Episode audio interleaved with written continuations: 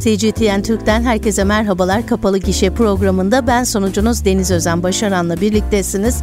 Bu bir saat boyunca da yine kültür sanat etkinlikleri için notlarımı aldım. Mikrofon başındayım. İlk şarkımızı dinleyelim. Efendim ardından sergilere şöyle bir göz gezdireceğiz.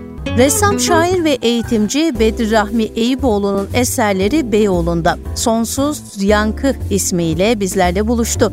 Türk edebiyatına ve resim sanatına unutulmaz eserler bıraktı Bedri Rahmi Eyüboğlu. Ressamdı, şairdi, akademisyendi. Her eserinde olmazsa olmazlarındandı folklorik öğeler.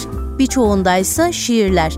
Eyüboğlu'nun bu folklorik ve şiirlerle dolu eserlerinden seçki olan Sonsuz Yankı sergisi İstanbul Beyoğlu'ndaki Dirimart Dolapdere ve Dirimart Pera'da sanatseverleri bekliyor. Sergi 21 Ocağı kadar izlenebilir. Bu arada seçkide sanatçının resme başladığı ilk yıllarından geleneksel ve çağdaş sanatı harmanladığı eserlerinden ve soyut ve deneysel resimlerine kadar birçok eseri yer alıyor. Dirimart Pera binasının dördüncü katındaki birinci kısım Eyüboğlu'nun erken dönem üretimlerine odaklanıyor ve onun akademideki eğitim süreciyle üslubundaki dönüşümleri belgeliyor. Eksi birinci kattaki ikinci kısımda Eyüboğlu'nun 1930'lar ve 1970'ler arasında ürettiği eserler yer alıyor. Aşık Veysel tablosu da burada. Hamam, Kız Kaçırma, Yavuz Geliyor Yavuz'da. Dolapdere'deki üçüncü ve son kısımdaysa Eyüboğlu'nun 1950'ler ve 70'ler arasındaki üretimlerine yer veriliyor. Ebabil Kuşu, Kuşlu Çocuk, Karagöz'ün Gemisi ve Mavi Gezi Balığı gibi yapıtları burada sergileniyor. Eyüboğlu'nun şiirlerine ve diğer farklı şairlerden şiirlere de yer verdiği tabloları da görülebiliyor. Eğer giderseniz Dirimart'ta 21 Ocağı kadar Sonsuz Yankı sergisine Bedrahmi Eyüboğlu'nun kaleminden çıkan eserleri görebilirsiniz. Yapı Kredi Müzesi'ndeyiz şimdi de. Yapı Kredi Müzesi'nde özel bir sergi var. Yapı Kredi Müzesi Türkiye Cumhuriyeti'nin arkeolojik mirasını vurgulayan özel bir sergi olan Bir idealin Peşinde Atatürk ve Alaca Höyük'le dikkat çekiyor bugünlerde. Türkiye Cumhuriyeti'nin arkeolojik mirasını vurgulayan özel bir sergi dedik. Bir idealin Peşinde Atatürk ve Alaca Höyük, Türkiye'nin ilk arkeoloğu Remzi Oğuz Arık ve etnolog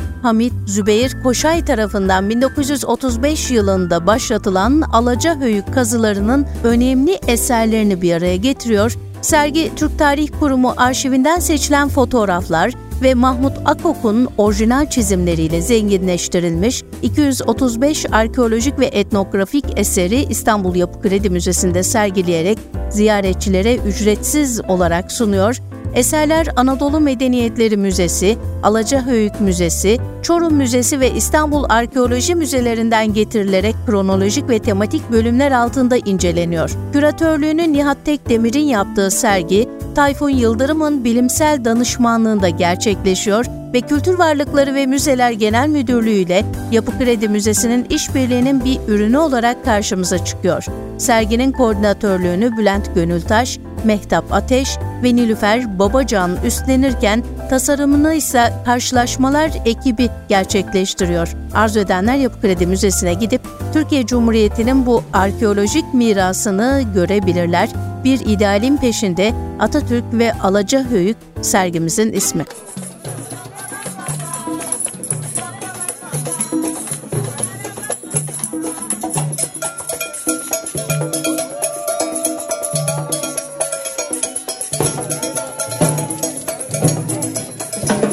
Belmart Space, Zeynep Merve Çiçek'in Sen Görünmek İstersin, O Saklar adlı kişisel sergisine ev sahipliği yapıyor şu günlerde. Sanatçı Zeynep Merve Çiçek'in 4 Şubat tarihine kadar ziyaret edilebilecek Sen Görünmek İstersin O Saklar adlı kişisel sergisi, sanatseverlere bireyin toplumda görünme arzusuyla içsel dünyasını gizleme çabasını anlatan bir deneyim sunuyor.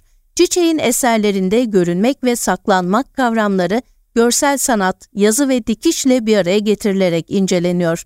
Sergide bireyin toplum önünde kendini ifade etme isteğiyle içsel dünyasını koruma arasındaki çelişki ve zıtlıkları ele alan eserlere yer veriliyor.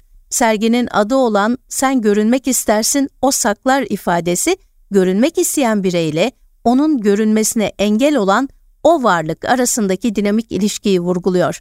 Zeynep Berve eserleri günümüz şehirli insanının yaşantısındaki karmaşıklıkları ve çelişkileri açığa çıkararak izleyiciyi düşündürmeye davet ediyor. Sanatçının yapıtlarında insanın oksimoron bir varlık olarak betimlenmesi, görünmek ve saklanmak arasındaki dengeyi anlatıyor. Sergi bireylerin sosyal çevreleriyle etkileşimde bulunurken denge kurma çabalarını yansıtarak izleyicilere çeşitli duygusal katmanlar sunuyor. Zeynep Merve Çiçek'in gözünden görünmek ve saklanmak kavramlarını keşfetmek, Belmart Space'te gerçekleşen bu etkileyici sergiyi deneyimlemek için 4 Şubat'a kadar ziyaret edilebilir. Sanatseverler eserler aracılığıyla bu karmaşık duygusal deneyimi paylaşma fırsatını yakalayabilirler. Ve sırada Süreyya Berfe'nin 78. Yunus Nadi Şiir Ödülünü kazandığı iki bölümden oluşan bir yapıtı Yavaş Yavaş Bilemiyorum var. Yapı Kredi yayınlarınca yayınlanan bu kitap ilk anda ismiyle yakalıyor oyuncuyu Yavaş Yavaş Bilemiyorum. Ve hüznün yanında bir serbest bırakışı belki bir seslenişi duyumsatıyor. Kitabın açılış şiiri olan Marcos Van Vakaris başlıklı şiirin yanı sıra Rebetiko 1 ve Rebetiko 2 şiirlerine bakınca Ege'ye özgü yaşamın akışını ve ritmini hissettiriyor. Marcos Van Vakaris'in kariyeri ve Berfe'nin şiirlere verdiği isimlerden de anlaşıldığı üzere Rebetiko müziğiyle aktardığı vurguyu anlıyoruz elbette. Ancak şair müziği bu kez okutuyor bize. Evet sevgili dinleyenler 78. Yunus Nadi ödüllerini alan Süreyya Berfe'yi ise yeni yitirdik. Geçtiğimiz hafta 9 Ocak'ta aramızdan ayrıldı Süreyya Berfe. Türk şair ve yazar bilmeyenler için şöyle bir özet geçeyim. 1965'e kadar gerçek adı olan Süreyya Kanıpak'ı kullandı. Daha sonra soyadını değiştirmeye karar verdi ve Cemal Süreyya'nın önerisiyle Berfe soyadını aldı. Süreyya Berfe adını kullanmaya başladı. Önceleri ikinci yeni akımı içinde yer aldıysa da sonradan halk şiirinin yolundan giden başka arayışlara yöneldi. 1960 kuşağı şairleri arasında sayıldı.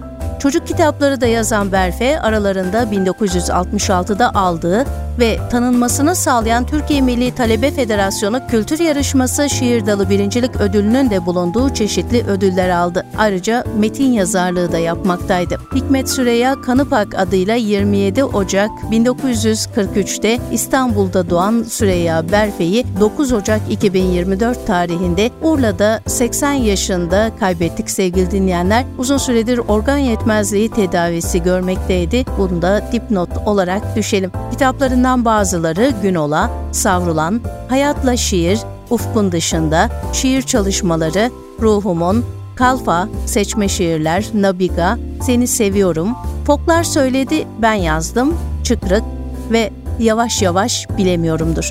Yavaş Yavaş Bilemiyorum, 2022 yılında Yapı Kredi yayınlarınca yayınlanmıştı ve 78. Yunus Nadi ödüllerinde Yavaş Yavaş Bilemiyorum'la ödül aldı. Belki okumak istersiniz diyerek tanıtmak istedim. Bir kadın evde tek başınadır ve her şey yolundaymış gibi gözükür. Ev işlerini yapar, müzik dinler, eğlenir. Fakat tüm bunlar olurken evin içinde ve dışında sürüp giden ataerkil sistemin kurbanı haline gelmiştir. Bu sistem onun potansiyelini ortaya koymasının önüne her gün başka bir engel çıkarırken hayatını sürdürebilmek için bu dünyanın kendine biçtiği role ayak uydurmak zorunda kalır. Aşk, hayat ve sevgi dolu bu kadın evin içinde sıkışıp kaldığı dünyasını zaman zaman kendine özgü bir mizahla anlatırken kimi zaman da her gün ayağına dolanan bu sistemin gerçeklerinin ne kadar sert olduğunu gözler önüne serer. Dario Fo ve Franz Reim'in yazdığı bu oyunun çevirisini Füsun Demirel yaptı. Şenay Gürler ise performansı sunan kadın. Karşınızda yalnız kadın. Efendim tek perdelik olan bu oyunda yaş sınırı da var. Artı 18 gidip izleyebiliyor. Yine İzmir'den dinleyen dinleyicilerimiz Bostanlı Suat Taşer Tiyatrosu'nda 31 Ocak Çarşamba günü saat 20.30'da izleyebilirler. Turgut Uyar'ın Kayayı Delen İncir'i 42 yıl sonra yine umuda davet ediyor. Yaşamı anlamsız bulsaydım Kayayı Delen İncir adını vermezdim kitabıma diyor Turgut Uyar. Şairin kariyerinde farklı bir yerde duran kitap 42 yıl sonra Yapı Kredi Yayınları tarafından herhangi bir değişiklik olmadan yayına hazırlandı. Turgut Uyar'ın Kayayı Delen İncir ilk yayınlandığında takvimler 1982'yi gösteriyordu. Dönüştü. Aradan geçen 42 yılın ardından toplu şiirler ve öyküler ciltlerinde öne çıkan kitapların ayrı basımlarına devam eden Yapı Kredi Yayınları tarafından herhangi bir değişiklik olmadan yayına hazırlandı. Bu kitabı şairin önceki kitaplarından ayıran bir özelliği var. Uyar özellikle 12 Eylül önce ve sonrasında öne çıkan sorunlara ve duyarlılıklara yer veriyor bu kitaptaki şiirlerinde. O dönemi düşününce ve toplumsal olaylar etrafında şekillenen şiirler denince akıllara sloganvari didaktik metinler gelmesin. Uyar o dönemdeki genel eğilimden farklı olarak şiir dilinden, estetik yaklaşımından ödün vermeden yani şiirin slogan söyleyişe alet etmeden kaleme almış tüm şiirleri. Uyar bireyi yine yalnız ve yolunu kaybetmiş kabul eder ancak umutludur da bu nedenle bireysel kurtuluşu toplumsal kurtuluşta gören bilincini bu kitaptaki şiirlerine de yansıtmıştır aslında. İncir'in kayayı delmesinin nedeni de budur. Kitaba verdiği bu isimde kaybetmediği umut duygusuna gönderdiği bir selamdır. Efendim Yapı Kredi yayınlarından çıktı şiir bölümünde Turgut Uyar'ın Kayayı Delen İncir kitabı. Geldik bugün de programımızın sonuna veda vakti. Kapalı gişeden keyifli günler diliyorum.